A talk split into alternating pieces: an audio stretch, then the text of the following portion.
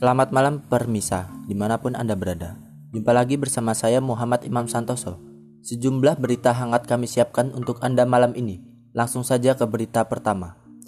Alam Syah Akbar, remaja berumur 19 tahun yang menjadi korban demo pelajar dan mahasiswa di gedung DPR, Senayan, Jakarta Pusat beberapa waktu lalu, masih dalam perawatan intensif di ICU RSPAD Jakarta Pusat saat ini.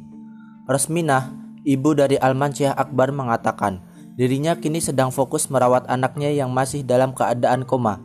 Saat ditanyakan lebih lanjut terkait latar belakang kondisinya saat ini, Rosminah enggan menjawabnya. Adapun awal mula kondisi Akbar Al Alamsyah diungkapkan oleh Kontras atau Komisi untuk Orang Hilang dan Tindak Kekerasan. Kepala Divisi Hukum dan Advokasi Kontras Putri Kanesia mengatakan, Pihaknya menemukan Akbar ada di ICU RSPAD dalam keadaan koma.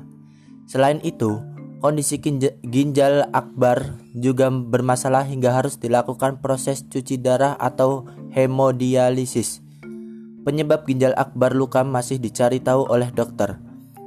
Menurut pengamatan kontras, kepala Akbar diperban dan terlihat membengkak, bibir bengkak serta hidung berdarah.